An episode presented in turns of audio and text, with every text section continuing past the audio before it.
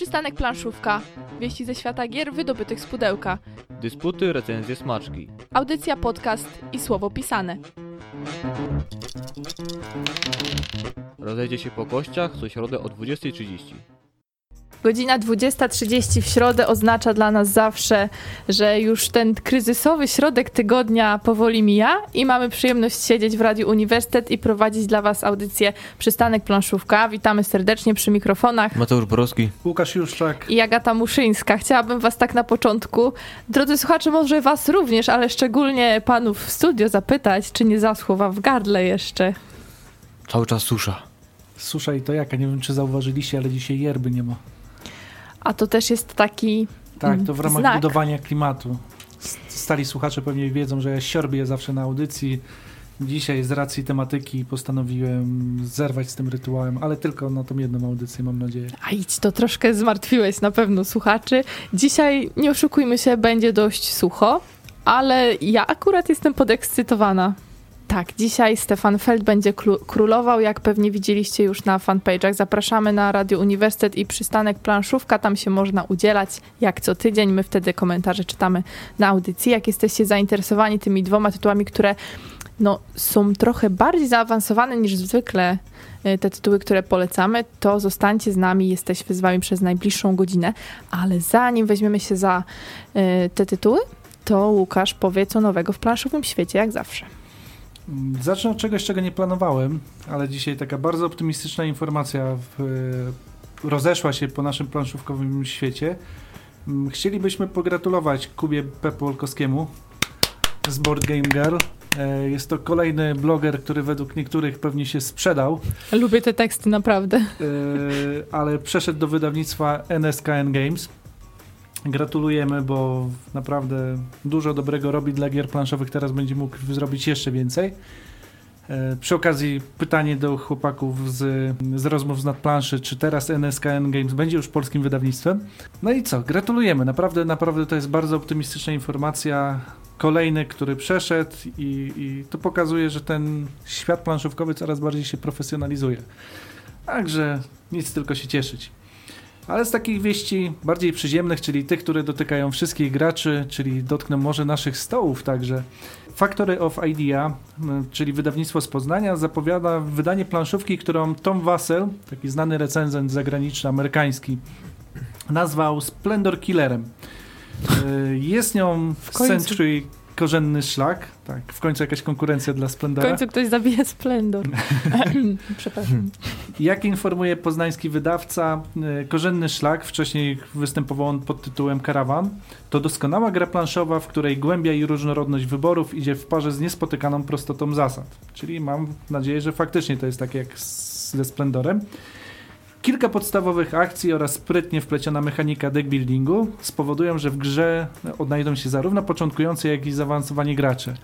O, to już jest taka zapowiedź bardzo konkretna, żeby To- nie była rzucona na wiatr. No to prawda, jeszcze deck building, czyli coś, co tygryski lubią najbardziej. Co ciekawe, jest to pierwsza z trzech niezależnych e, produkcji przenoszących nas w czasy od e, XV do XVII wieku, które będzie można ze sobą łączyć.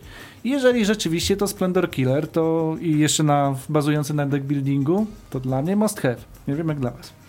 Patrzę z lekkim przymrużeniem oka, jak ktoś mówi. Gra jest świetna zarówno dla osób zaawansowanych, jak dla początkujących. Świetnie się gra w dwie, jak i w cztery osoby. Po prostu gra idealna. Jak w dwie, cztery to jeszcze pół bieda, ale jak ktoś mówi w dwie do sześciu, no to już faktycznie Dobrze, koniec dygresji, wracamy do newsów. Tak, wracamy do przeznaczenia. Wydawnictwo Galacta utworzyło nową stronę e, internetową dedykowaną grze Star Wars Przeznaczenie. E, Star Wars Prze- Przeznaczenie, czyli kościano-karciana gra kolekcjonerska osadzona w uniwersum Gwiezdnych Wojen. Co znajdziemy na tej stronie? E, Przede wszystkim informacje dla osób wchodzących dopiero w świat tej gry, jak i dla tych, którzy szukają bardziej pogłębionych informacji. E, Strona ma stanowić oficjalne centrum dla graczy Star Wars Przeznaczenie, integrując tym samym środowisko. E, Oprócz tych podstawowych informacji znajdziemy tam m.in. zasady rozgrywek turniejowych, rankingi, informacje o turniejach. I Galacta odważnie zapowiedziała, że codziennie będą pojawiać się tam nowe treści.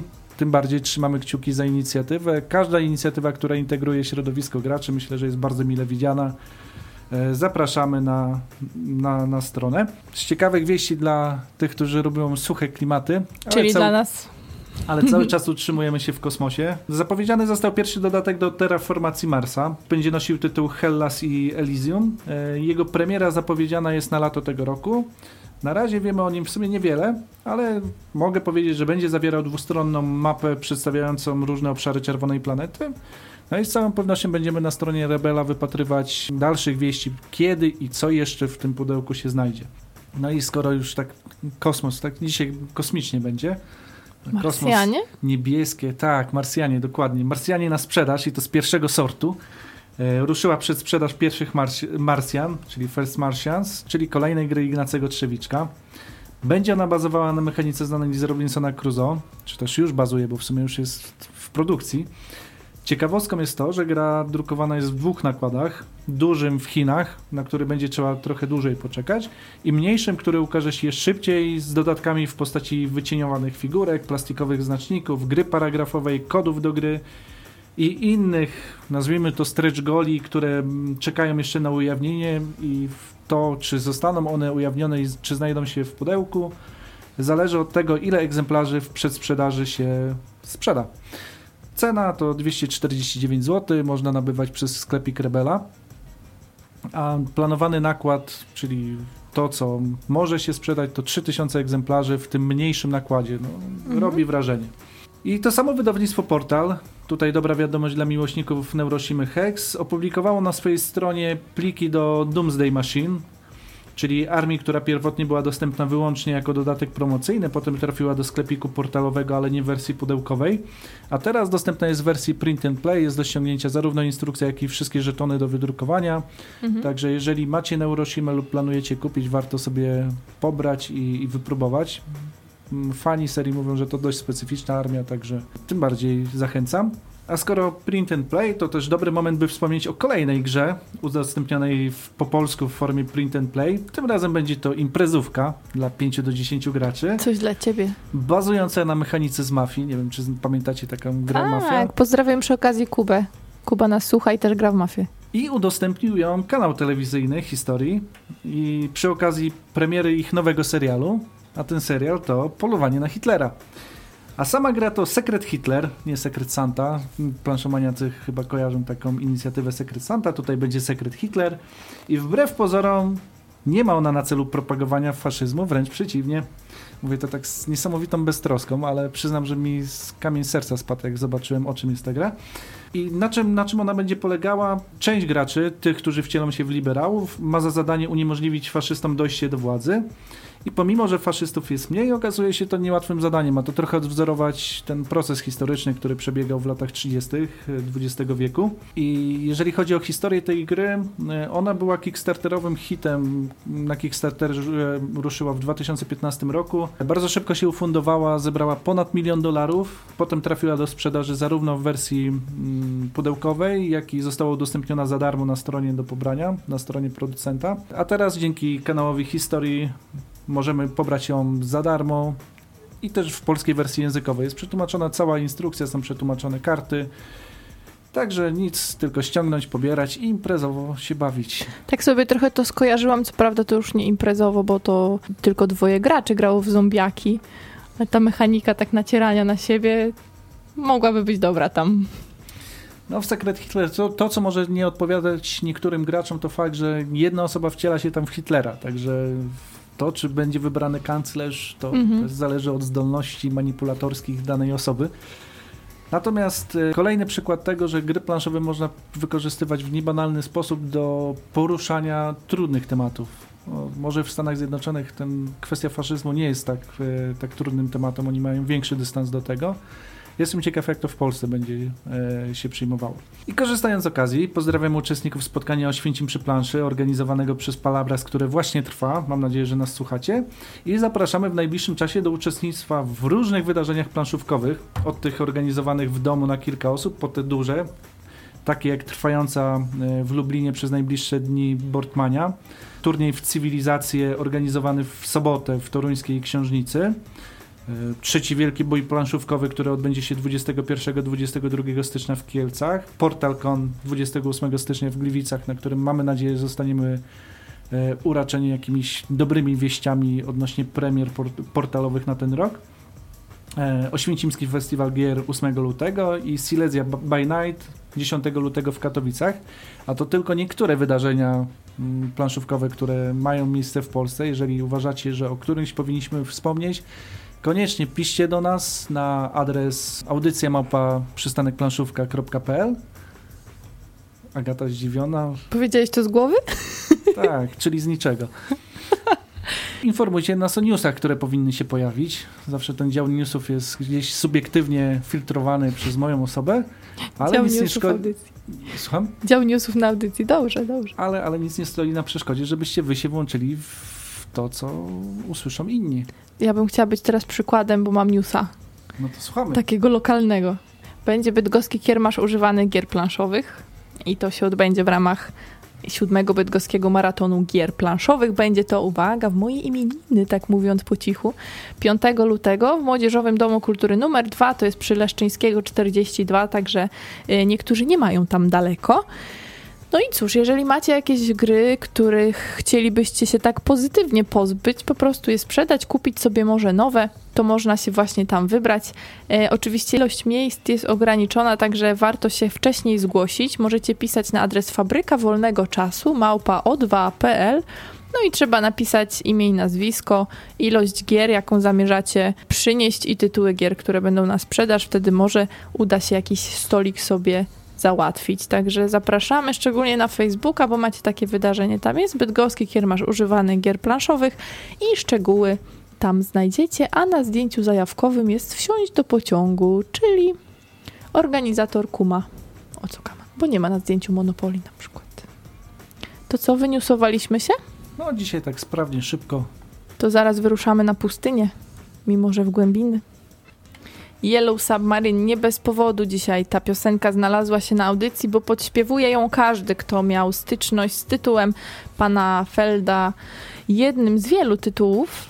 Wzięliśmy na audycję dwa, które najbardziej chwyciły nasz, za, nas za serca, wysuszyły nasze mózgi. Jak mogę to ładnie powiedzieć? Wysuszyły nasze serca. Wysuszyły nasze serca. Właśnie tak widzę, twoje chyba tak, bo taki siedzisz trochę. Zeschły.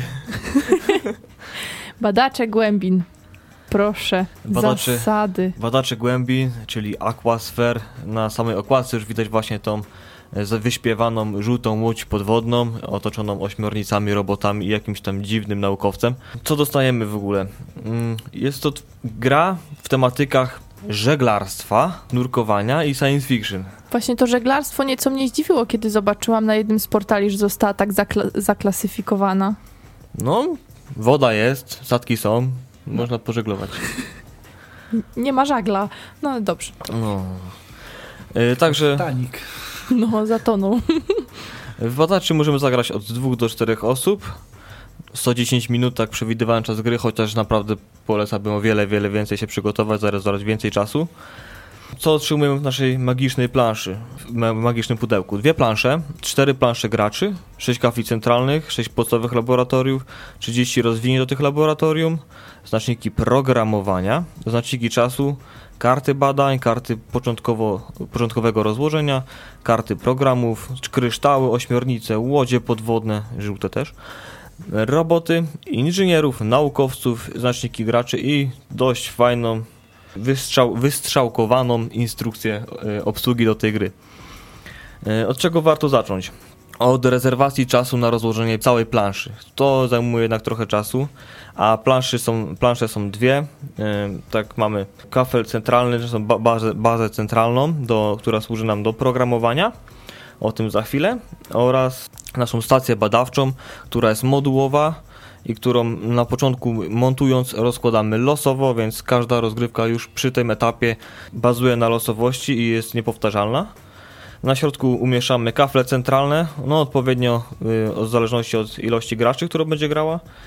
Oraz uzupełniamy brzegi naszej planszy o odpowiednie elementy, czyli y, karty, które możemy zdobyć w czasie gry, czy karty rozszerzeń do naszych laboratoriów. Umieszczamy też tam elementy, mm, które występują w grze, y, w grze zależnie od ilości osób. Kładziemy tam ośmiornicę, kładziemy znaczniki czasu, kryształy, aż nasza plansza zapełni się zgodnie z początkowym y, rozłożeniem. Przy dwóch graczach biorą też udział neutralne jednostki, czyli pionki łodzi podwodnych, które normalnie nie grają w grze. To warto też zauważyć i wszystkie takie niuanse są opisane w instrukcji na zielono y, w, w przypadku rozgrywki dla mniejszej liczby graczy niż czterech. Także już mamy planszę przygotowaną. Każdego uczestnika należy wyposażyć w komplet z drewianek w kolorze, który sobie opatrzył, a dostaje y, w zestawie dwóch, dwóch ludzi. Nale wyglądają z pozoru tak samo, ale należy ich rozróżnić. Jeden jest naukowcem, drugi jest inżynierem. Naukowiec y, przemieszcza się na stacji badawczej, inżynier siedzi z kolei na naszej centrali, gdzie będzie programował nasze roboty. No i o robotach mowa, czyli mamy legion mały taki naszych robotów, którzy y, czekają na naszej planszy startowej gracza, ułożone, gotowe do akcji. Dostajemy też 6 łodzi podwodnych w naszym kolorze, które w sumie będziemy planować, żeby się ich pozbyć, nasze, żeby wypłynęły na poszukiwanie. W sumie już musimy zacząć rozgrywkę, która jest dość, dość prosta ale dużo należy zapamiętać. Praktycznie robimy dwie akcje, czyli możemy albo zaprogramować robota, albo wykonać akcję robotem już zaprogramowanym. Ograniczenie jest takie, że możemy maksymalnie użyć cztery, czterech akcji zaprogramowania robota, czyli możemy cztery razy zaprogramować robota, potem niestety musimy spasować, bo wiadomo, byśmy grali w nieskończoność. Po co programujemy robota?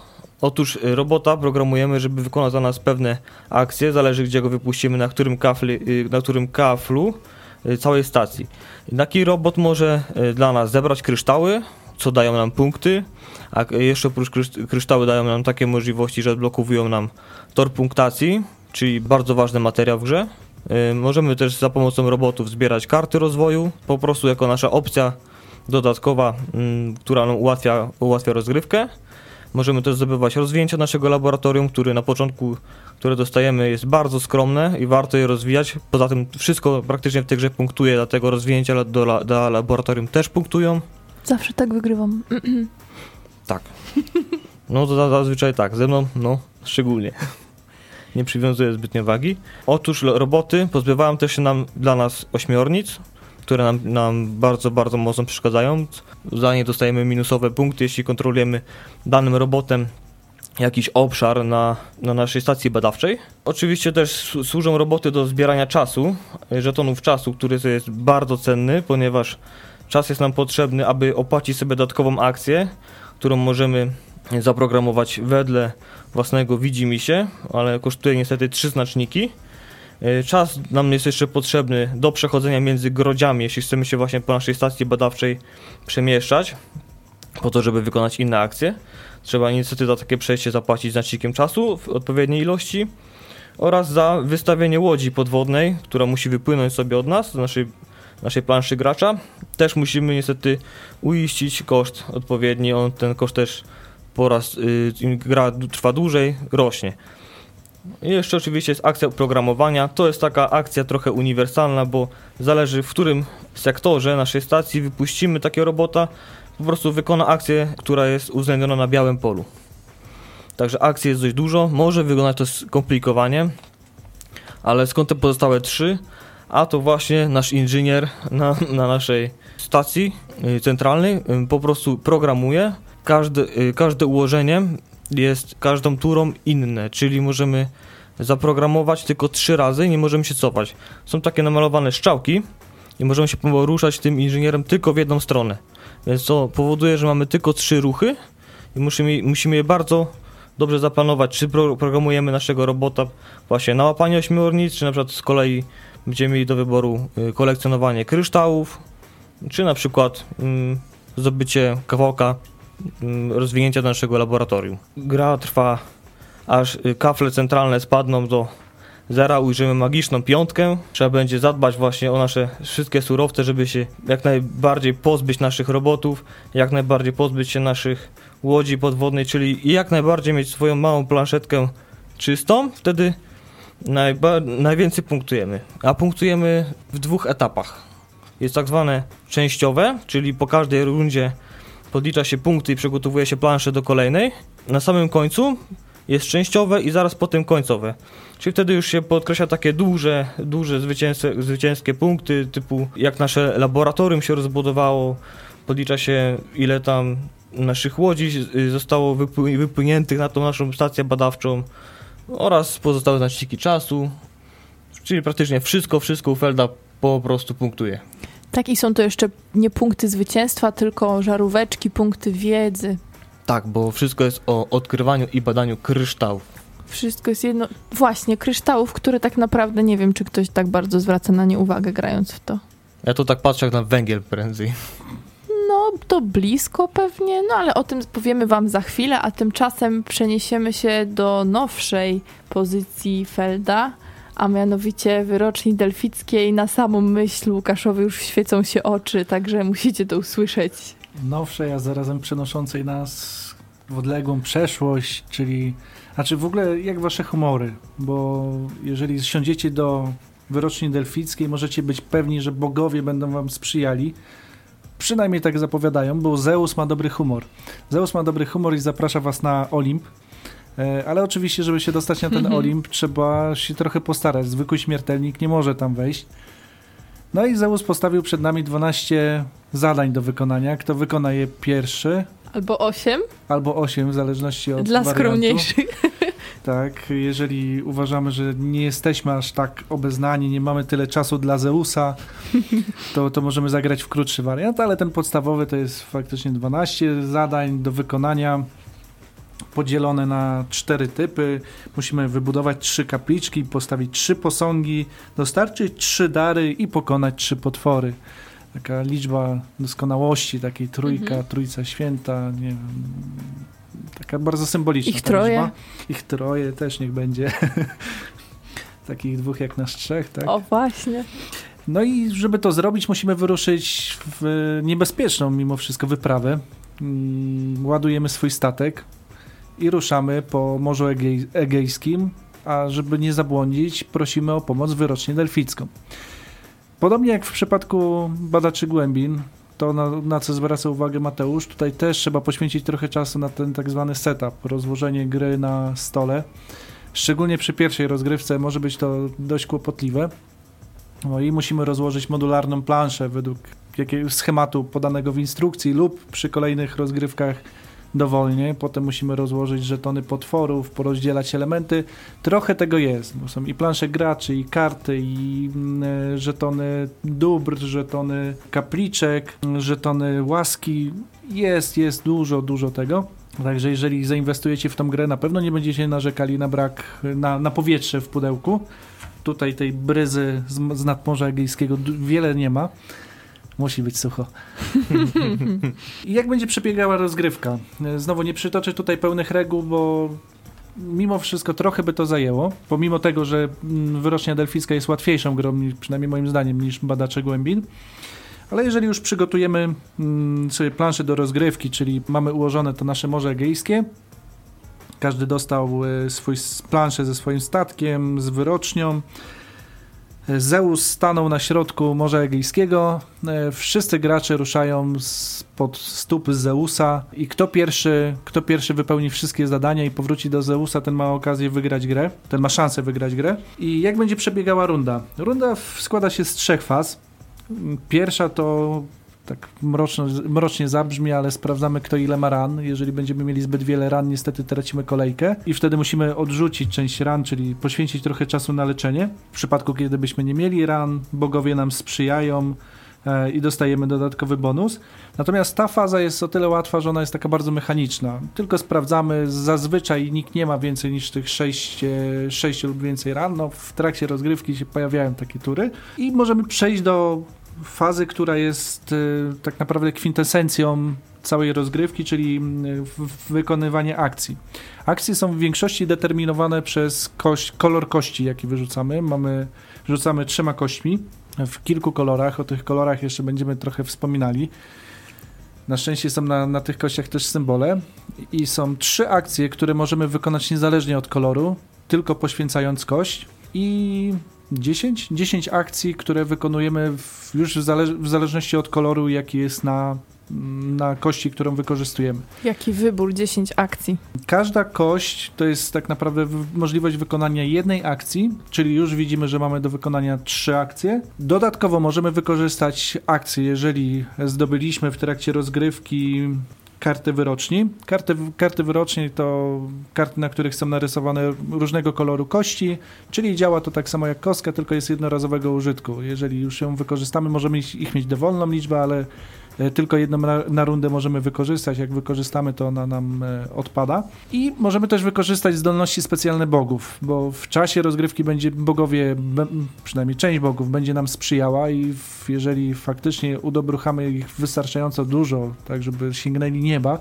to pozwalają wykonać bardzo, bardzo silne akcje. I tak będziemy krążyć po tym Morzu Egejskim. Tak jak wspomniałem, mamy do wykonania 12 zadań. Podstawowe, podstawowe akcje to jest m.in. poruszanie się okrętu. E, to cała ta siatka Morza Egejskiego jest podzielona na heksy, na których mamy różne kolory.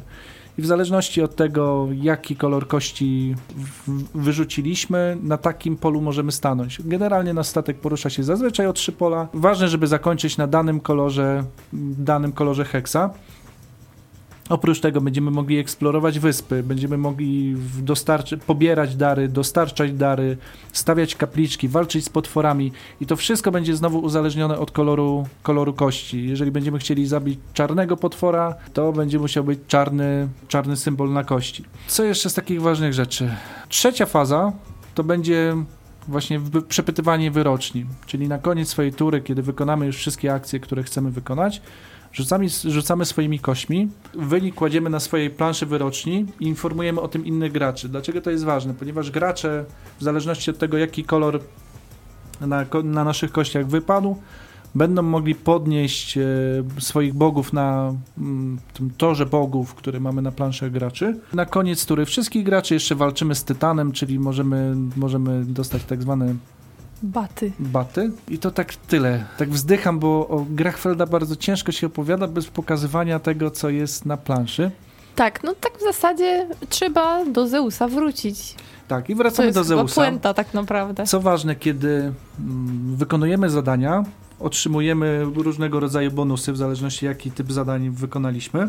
Mogą dołączyć do nas towarzysze, możemy dostać e, dodatkowe karty ekwipunków, e, tak jak wspomniałem, bogowie, kiedy w, na torze bogów podniesiemy ich wystarczająco wysoko, pozwalają nam wykonać każdy bóg inną akcję typu Poseidon, pozwala nam przenieść się na dowolne pole planszy, co jest mhm. naprawdę sporym bonusem, jeżeli biorąc pod uwagę, że to jest wyścig. Do tego ważnej, ważną rzeczą jest to, że nasze statki się różnią od siebie. Nie startujemy wszyscy na takim samym okręcie, tylko na początku każdy dostaje, ma przydzielany kafel dodatkowymi akcjami, które dają nam jakiś bonus albo tylko na początku gry, na przykład podnosi poziom tarczy, o właśnie na te, o tarczach na przykład nie wspomniałem, gdy walczymy z potworami, porównujemy poziom tarczy, znowu rzucamy kość, kostką, ale tym razem dziesięciościenną.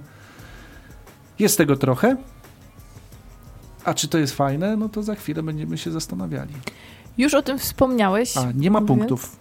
O, to, tak, to, tak tu, nie ma punktów. tu nie ma punktów. I to jest właśnie, to jest jedna z ciekawszych rzeczy w tej grze, ale to za chwileczkę. Wspomniałeś już, Łukasz, o tym, że trudno mówić o, o grach Felda bez pokazywania ich. W zasadzie o każdej grze trudno powiedzieć w radiu, ale faktycznie przy Feldzie musieliście na pewno wybierać zasady. Powiedzieć o tych najbardziej kluczowych nie, nie dałoby rady wspomnieć o wszystkich, nie byłoby też to na pewno ciekawe. To jest taka specyfika Gierfelda, że one są takie dla graczy, którzy już weszli na pewien stopień zaawansowania? Są bardzo szczegółowe, ale są dopracowane tak, że to wszystko, wszystko chodzi jak w szwajcarskim zegarku. To jest jeden mały, idealny mechanizm, więc nie dopatrzę się jakichś błędów czy coś. Faktycznie, z drugiej strony zawsze jest ten klimat, a z drugiej strony bardzo ładna, czysta matematyka. Zgodzisz się, Łukasz?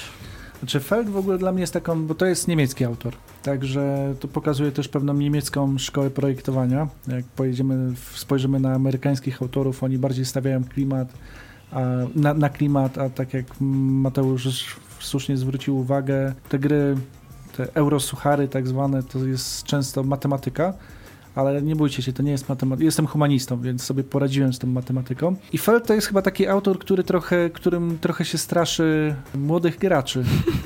"Oj, co ty tam wiesz o grach, a Felda grałeś? No, albo uważaj, bo to gra Felda. To w przypadku gier Felda pojawiają się takie specyficzne określenia jak sałatka punktowa, e, pojawia się określenie krótkiej kołderki. Ale w wyroczni nie masz punktów. No wyrocznie to jest taka wyjątkowa gra faktycznie pana, pana Stefana, gdzie zawsze on, to znaczy zawsze, przyzwyczajał on przez wiele, wiele lat graczy do tego, że mamy tą sałatkę punktową. Dla tych, którzy nie wiedzą, co to oznacza, jak Mateusz opowiadał o badaczach głębin, w pewnym momencie zwrócił uwagę na to, że za wszystko dostajemy punkty. Za wszystko. Takie często są gry Felda. Praktycznie czego byśmy nie zrobili, to punkty się mnożą. E, aczkolwiek oczywiście jedni tych punktów zdobywają więcej, drudzy mniej. To już jest, jeszcze jest kwestia odpowiedniego zarządzania tym, co mamy na planszy, żeby zdobyć jak najwięcej punktów. A ta krótka kołderka to, to tak jakbyśmy chcieli, dostali mały kocyk, a chcielibyśmy się przykryć w całości. Albo przykryjemy nogi i zabraknie nam na resztę ciała, albo przykryjemy sobie, nie wiem, a nogi będą odsłonięte. Czyli jakkolwiek byśmy nie zarządzali akcjami, zawsze będziemy odczuwali takie, będziemy mieli takie poczucie, że czegoś nam brakuje. I to Czy- widać właśnie. W badaczach szczególnie widać właśnie tą krótką kuderkę, gdy z, po prostu zaniedbamy jakiś tam składnik, na przykład kryształy, no cóż, jesteśmy zamrożeni przed linią czerwoną na torze punktacji i się odbijamy, chyba że mamy do oddania robota, do, od- do odprogramowania robota. No ale jak nie mamy, to niestety będziemy się odbijać o tą linię, dlatego właśnie kołderki nam nie starczy. Macie rację z tym, że Feldem się straszy graczy. Skojarzyłam to z tym, że kiedy wygrałam na nocy planszówek badaczy głębin, bo miałam tyle szczęścia i do tej pory to wspominam, gra leżała przez rok na półce, bo usłyszałam, że to prawdziwa strategia i kojarzyło mi się to tak, no gdzie, przecież ja gram w karkach, są jakieś cytadele, przecież badacze głębin, bardzo trudny tytuł. E, Wystarczyło usiąść, rozpracować zasady i po prostu wchłonęło mnie to totalnie, po czym wyrocznia tylko już potwierdziła to, że naprawdę zapałam olbrzymią sympatią do, do gier tego autora. Nie ma co się przejmować za bardzo tymi opiniami, acz trzeba nastawić się na to, że sam setup będzie dosyć długi i że przygotowanie gry może trochę zająć, szczególnie też myślę, że wyrocznia, gdzie jest dużo elementów, które trzeba też obkleić. Czyli generalnie wino. Gra uleżała u nas się przez rok jak wino, I dojrzewała. Dojrze- tak? dojrzewała. Tak i my dojrzeliśmy i tak dalej. A bogowie, więc Dionizję i znowu wino, więc Ale to też fajną rzecz podkreśliłaś, e, wy dojrzeliście, bo takie jest, do pewnych gier się dojrzewa. Ja może aż tak mocno przy Feldzie tego nie odczułem, ale przy innych tytułach, jak kiedyś ktoś mi pokazał China, to jest taki, Mhm. no teraz już trochę w niepamięć poszedł ten tytuł w takim e, stylu Area Control, czyli zdobywania przewagi na obszarach, bardzo brzydka plansza i w ogóle, ale gra się okazała sympatyczna. Z tym, że jak pierwszy raz grałem, ten, ten tytuł mnie totalnie jakoś tak przygniótł. W ogóle nie poczuliśmy fanu płynącego z gry, dopóty, dopóki nie dostaliśmy go gdzieś tam w prezencie i nie daliśmy drugiej szansy. To było mniej więcej rok później i faktycznie wtedy coś zaskoczyło. I tak myślę, że może być z grami Felda, jeżeli od razu do nich usiądziecie, czasem można się odbić. Nie od wszystkich, na szczęście. Dzisiaj na przystanku planszówka pojawiła się recenzja Romy. Mm, E, Pierwszej gry Felda. no właśnie, to mnie zaskoczyło. Tak na BGG spojrzałem teraz, kiedy mówiliśmy, że to faktycznie jest pierwsza, przynajmniej tak BGG podaje, pierwsza gra Mhm. Felda wydana, gdzie już wykorzystywał fajnie, fajnie kostki, ale mimo wszystko to jest dość lekki tytuł, także nawet Feld ma takie lżejsze klimaty. Gry Felda mają taką opinię, że to są eurosuchary, no i nie da się tutaj żadnego emerytraszu wrzucić i tak dalej. Natomiast y, w wyroczni delfickiej myślę, że tym wznoszeniem bogów do nieba chociażby coś tam chciał podziałać z klimatem. No właśnie, czuliście tam klimat w, grając wyrocznie? Bo w badaczach no chyba nie ma się co oszukiwać, tam nie ma klimatu. jest głęboko ukryty. Oj, bardzo głęboko. W przypadku wyroczni, no wcześniej czytałem instrukcję, także tutaj ciężko mi ocenić, jak to jest, jak ktoś tłumaczy wyrocznie. Mhm. Ale e, badaczy wy mi przedstawialiście. E, To jest jeden z tych nielicznych przypadków, gdzie nie czytałem wcześniej instrukcji. Jesteśmy bardzo średni w tym. Nie no, Mateusz mi opowiadał o tej grze z takim zapałem, a ja tak siedzę przed tą planszą i myślę, ale o czym on mówi? Gdzie to w ogóle jest? Gdzie on widzi to programowanie? Gdzie Tak. widzi te roboty? Mhm. z początku to jest tak nieintuicyjne, aczkolwiek jak rozegraliśmy pierwszą turę, no to nagle taka lampeczka w głowie, faktycznie, no jest to na planszy. Żarówka. Żarówka się po czasie odpala w badaczach. Wiedza zdobyta. Wiedza, Wiedza zdobyta. zdobyta. Faktycznie. Instrukcja, jak już jesteśmy w temacie, nie wiem jak tam instrukcja wyroczni, bo nie czytałam, bo miałam tę przyjemność, że Łukasz nam grę opowiedział, ale badacze głębin, mimo że jest y, instrukcja kolorowa, malownicza, jasno napisana, to ma byki po prostu redakcyjne. Niestety Ale- ma. Jest mega odymkowana, ostrzałkowana. Wszystko jest praktycznie wskazane, co gdzie robić i trzeba ją praktycznie czasami przeczytać dwa, trzy razy, ale no idzie łatwo to rozpracować. Odymkowana. Świetnie. Dobrze, to już się nie czepię, tak chciałam tylko zaznaczyć takie zboczenie zawodowe. Czyli wiemy, że wydania są atrakcyjne, że klimat mimo wszystko jakiś można znaleźć, znaleźć w tym płynięciu do Zeusa. Ja myślę, że to warto poruszyć, że Feld wziął się za wyścig, tak? Mhm. Tak, tak, bo to znowu używając takiego żargonu, to jest pick up and delivery, czyli Mhm. musimy coś zdobyć i gdzieś dostarczyć.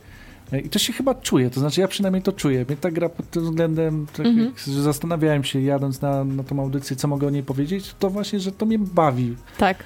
Tak jak w Badaczy Głębin, dla mnie to było takie wypalanie szarych komórek. Tak, to jest mużdżenie ewidentne. Tak, tutaj jest trochę taki, więcej takiej zabawy związanej z tym, że są kostki. Właśnie, co ciekawe, te kostki gdzieś determinują nam ruchy, w końcu mamy bogów, tak? E, Determinują nasz żywot, Mhm. ale te kostki, możemy zmieniać wyniki na tych kostkach. Ale znowu pan Feld sobie wymyślił, tak jak w zamkach Burgundii można było w dwie strony sobie zmieniać wyniki, tak tutaj można tylko w jedną stronę. Co znajdzie jednych, dla jednych będzie zaletą, bo faktycznie to staje się trudniejsze, a dla innych e, znowu zbyt losowym elementem związanym też z wyścigiem. No jak uprosisz bogów, bo dasz żetony łaski, no to tam możesz sobie te kości przewracać, ale to faktycznie, że działa w jedną stronę, to przecież czasami koszt jest ogromny tego, Mhm. żeby móc je sobie przełożyć. Ale o jednej ważnej rzeczy zapomniałam. Pozwólcie, drodzy słuchacze, że wrócę jeszcze do wydania tej gry. No przecież ten czerwony i różowy, to tam można dostać oczopląsu, że się tak wyrażę. Przeciętny facet tego nie, nie rozróżni. Ja nie jestem przeciętnym facetem i też miałam kłopot. Poczuj się jak mężczyzna.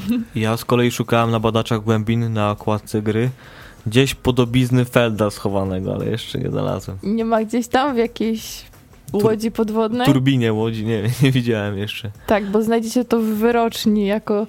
Śmiałam się, że to defaultowy Bóg. A my po prostu też pamiętaj, że pielęgnujemy miłość do tytułu Felda.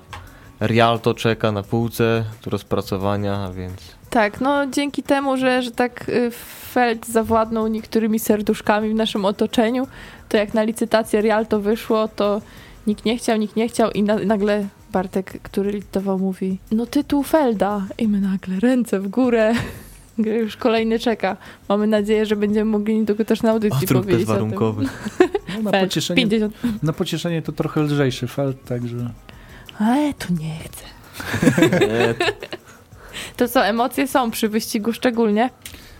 No, jak mnie w, podczas pierwszej naszej rozgrywki, gdzie myślałem, że wygram, bo miałem w końcu To przewagę. było piękne, drodzy słuchacze, że Mateusz dogonił w ostatniej rundzie, dosłownie jednego ruchu mi zabrakło, no to przyznaję, emocje były mega i to daje taką No. fajną satysfakcję, ale nie będzie się podobało tym, którzy lubią mieć wszystko wyliczone. Bo bogowie w kościach niestety, No to jak chcą mieć wyliczone, to lepiej do badaczy. oj zdecydowanie, tam jest trochę liczenia. Ale jest trochę losowości też, ale wszyscy są tak stawiani przed tym samym, więc jest ta równość tej losowości na szczęście w badaczach. W badaczach.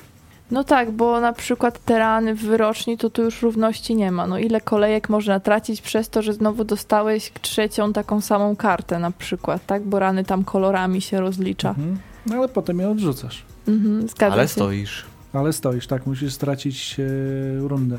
W, Ile tych ale tutaj. To w- widać, że to felt. w wyroczni też jest, to się pojawia u niektórych jako zarzut, y, takie poczucie przegiętych akcji. Tu mamy taką epickość.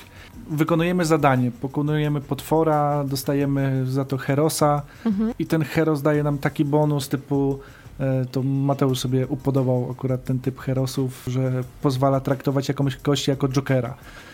E, Dany kolor kości. I To z Roll for the Galaxy tak mi się wzięło. Dużo jokerów. No i to, to, to daje poczucie tego, że nagle chwytam Boga za nogi, dalej to już popłynę jak tylko się, w, Tak. jak tylko można szybko sobie to wymarzyć. A jak dostajesz rany, to też dostajesz je na maksa. Może Tak. to to jest ta przegiętość. Ale potem się okazuje, że inne akcje są też przegięte, bo ktoś na początku gry dostanie mm, bonus, który pozwala mu od razu podnosić bogów, bo znowu, te, tłumacząc Mhm. trochę mechanikę. Ci bogowie są na torze w, i podnosimy ich e, stopniowo do góry. E, Natomiast e, ta akcja przepytywania wyroczni i bonus dla innych graczy działa tylko w momencie, kiedy dany Bóg jest podniesiony powyżej najniższego poziomu. Z ziemi to- nie podniesiesz. Z ziemi Boga nie podniesiesz. Musi najpierw go, trzeba go najpierw jakoś wypchnąć, inni go do góry nie podniosą. Jest statek, który pozwala, już na początku gry ustawia nam Boga na pierwszym poziomie wznoszenia się ku niebu. Mm. Co, co z kolei powoduje, że każdy rzut kością to tak naprawdę dla tego gracza jest e, możliwość podniesienia Boga. I z początku to się wydawało nam strasznie przegięte, no ale jak zaczęliśmy grać się okazało, że niekoniecznie dany gracz wygrywa. No, także, także to jest bardzo sympatyczne w tej grze. We mnie jeszcze emocje i też, też chyba nawet klimat bym się pokusiła w wyroczni. Tak stwierdziłam, że daje to, iż na przykład posąg, który bierzemy z jednego końca tego morza, żeby go dowieść na drugi koniec planszy, no właśnie na drugi koniec planszy trzeba w zasadzie płynąć, żeby go odsadzić na odpowiednie miejsce, co też nam może dać takie wyobrażenie o tym, jakie, jakie to morze jest ogromne. I to nawet nie, to takie właśnie pomyślałam, że jest trudne Chyba, że Poseidon. No chyba, że Poseidon, no tak, który nam Mhm. z kolei daje. No to tak jak Ares y, nam pomaga zabijać, tak? Ares, y, tak, on pozwala zabijać potwory bez kości. Mhm. No to Znaczy, też w sensie była nie potwory przydatna bez kości, tylko bez użycia kości. Bóg Tak. wojny. stylistyka wypowiedzi. Myślę, że, że tak brzmimy trochę emocjonalnie, czyli jak widać obie gry y, spore emocje wzbudzają. A jak możemy poradzić słuchaczom, która gra lepsza dla duetu? Jesteście w stanie określić? Jak ktoś ma tylko jedną osobę do grania?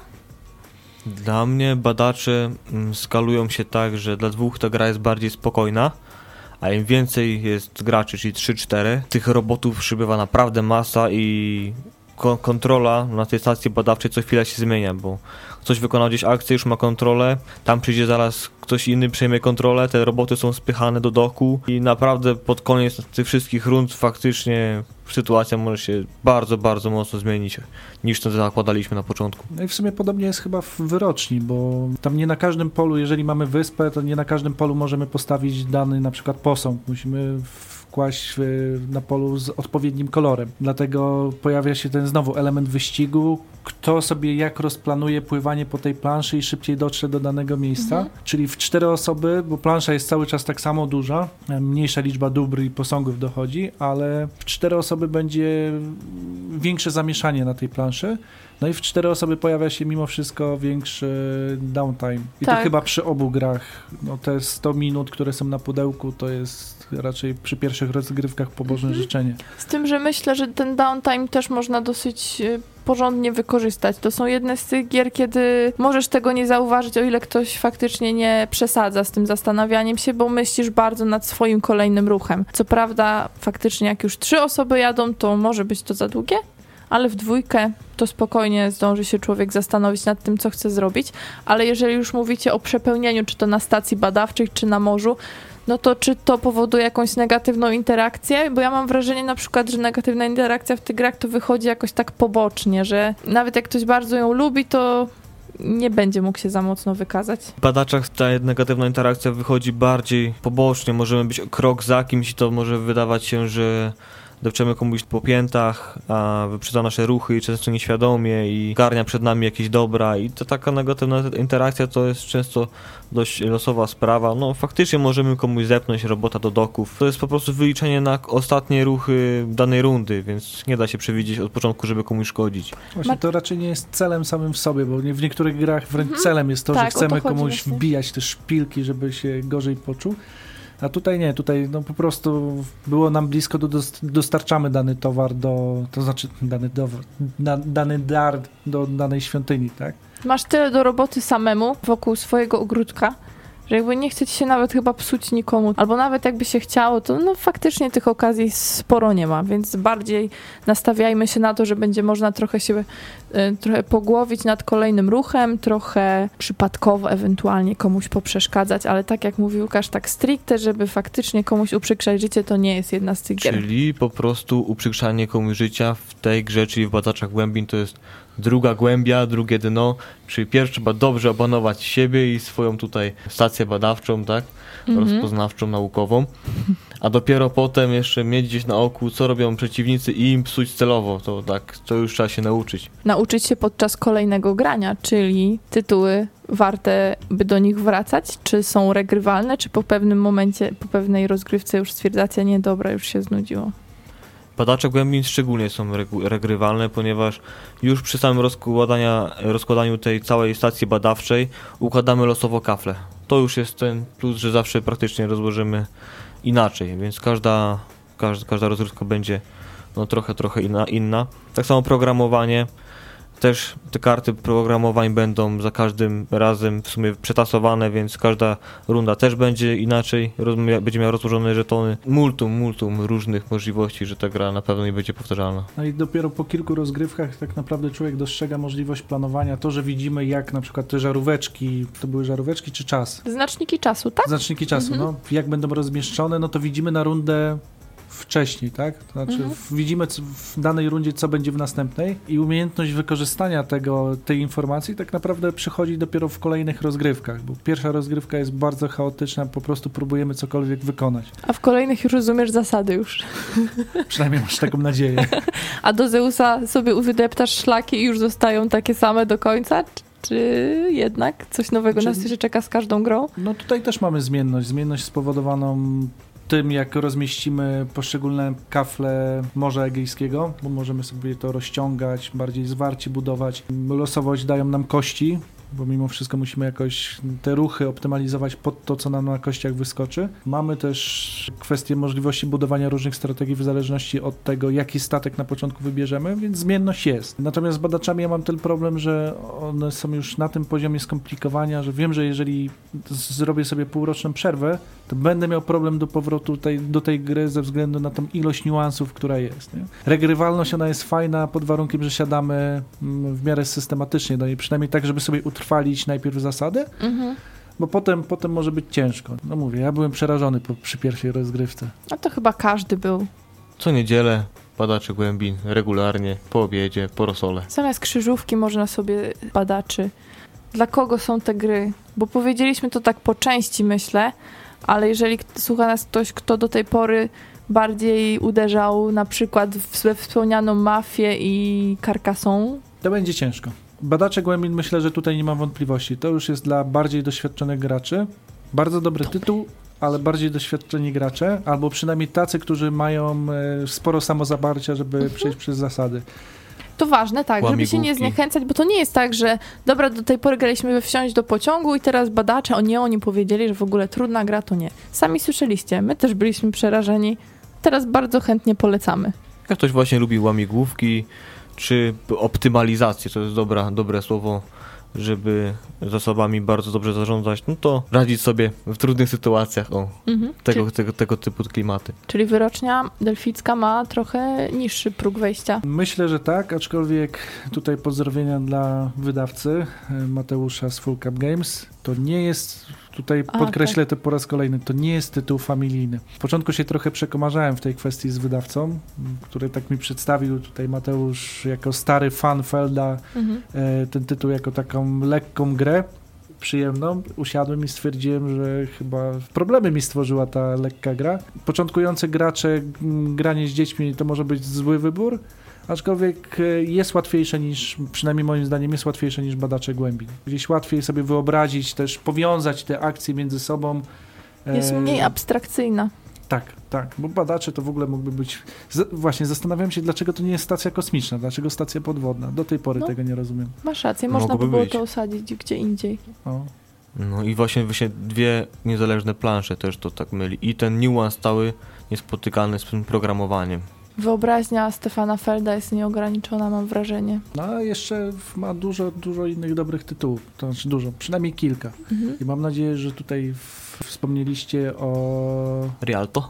Rialto. Roma. Tak myślę, że kiedyś na audycji warto, żeby powiedzieć jeszcze o Zamkach Burgundii. Dla mnie to jest w ogóle the best gra tego autora. Fakt faktem nie we wszystkie jego gry grałem, ale tak jak na przykład do Amerigo już chyba nie zasiądę po pierwszej rozgrywce, bo mnie jakoś tak totalnie nie zachęciła, mimo wieży fajnej, Mhm. która ma, gdzie wrzucamy żetony i ona tam nam generuje losowość. Do tych dwóch gier, o których dzisiaj mówimy, chętnie wr- wracam i chętnie wrócę. Tak, Zamki Burgundii zawsze po prostu tak brzydka gra, a tak piękna mechanika. No dobrze, to jesteśmy umówieni na spotkanie ze Stefanem Feldem number two. Ja ze swojej strony też mogę powiedzieć, że po badaczach głębin i po wyroczni delfickiej to już absolutnie stałam się fanką Stefana Felda. Nawet jak on tam swój wizerunek na jednym z pionków bogów potrzebował wkleić, to, to wybaczam mu ten egocentryzm i... Ale właśnie, on jest trochę tak przedstawiany przez graczy jako taki, dla niektórych to jest właśnie bóg eurogry, tak? Mhm. Ktoś, kto jest mistrzem dane, danego typu gier. Także myślę, że nie przez przypadek to poczucie humoru autora. Z mojej strony obie gry dziewiąteczka. I tutaj nie przesadzam. Popołudnie z takimi grami jestem usatysfakcjonowana, powoduje to we mnie emocje. Nawet jak tam nie ma klimatu, to, to ja to wybaczam, bo mogę po prostu poczuć, że pracuje mi mózg, a przy tym oczy się cieszą, bo gry są kolorowe i sympatycznie wydane. Coś chcielibyście dodać? Praca fizyczno-umysłowa przy badaczach. Fizyczno? No muszę przemieszać te łodzie, jakoś lekkie nie są. No tak, tak. No tutaj to wczucie się w klimat, to już tutaj słyszeliście, drodzy słuchacze. No, a po takiej mózgożernej partyjce w badaczy głębin można sobie zawsze potem wyciągnąć dominiona i się odprężyć. No tak, a Dominion musiał być. Nie zapomnijcie popić tych sucharów, jak gracie tutaj. Odzacz na kartce, że Dominion był. No, kącik Kącik zaliczony. Dominiona zaliczony, tak. Y, Za tydzień, drodzy słuchacze, bo powoli się już żegnamy. Za tydzień mamy w planach przedstawić wam humor w planszówkach Hehe. w bardzo różnym wydaniu. Także nastawcie się na wiele dziwnych rzeczy, a że humor jest pojęciem względnym i tak często poruszanym Dystans. przez kulturę, że myślę, że będziemy mieli dużo do mówienia. Niekoniecznie w tak suchym wykonaniu, jak zazwyczaj u nas na audycjach. Tak, będzie może mokro ze śmiechu, bo się popłaczemy, a może wręcz będziemy zażenowani. To się okaże. Bądźcie z nami. Mamy nadzieję, że pozytywne emocje mimo wszystko będą Wam towarzyszyły. A jak graliście w badaczy głębin i wyrocznie delficką, to bardzo prosimy, proszę się do nas odezwać, bo my naprawdę nie tyle już chodzi o ten feedback z audycji, bo to też jest ważne, ale lubimy czytać, czy komuś się gra podoba, czy nie. Poszerzamy horyzonty w ten sposób. Prawda. Mówili dla Was dzisiaj Mateusz Borowski. Łukasz Juszczak. i Agata Muszyńska. Do usłyszenia za tydzień.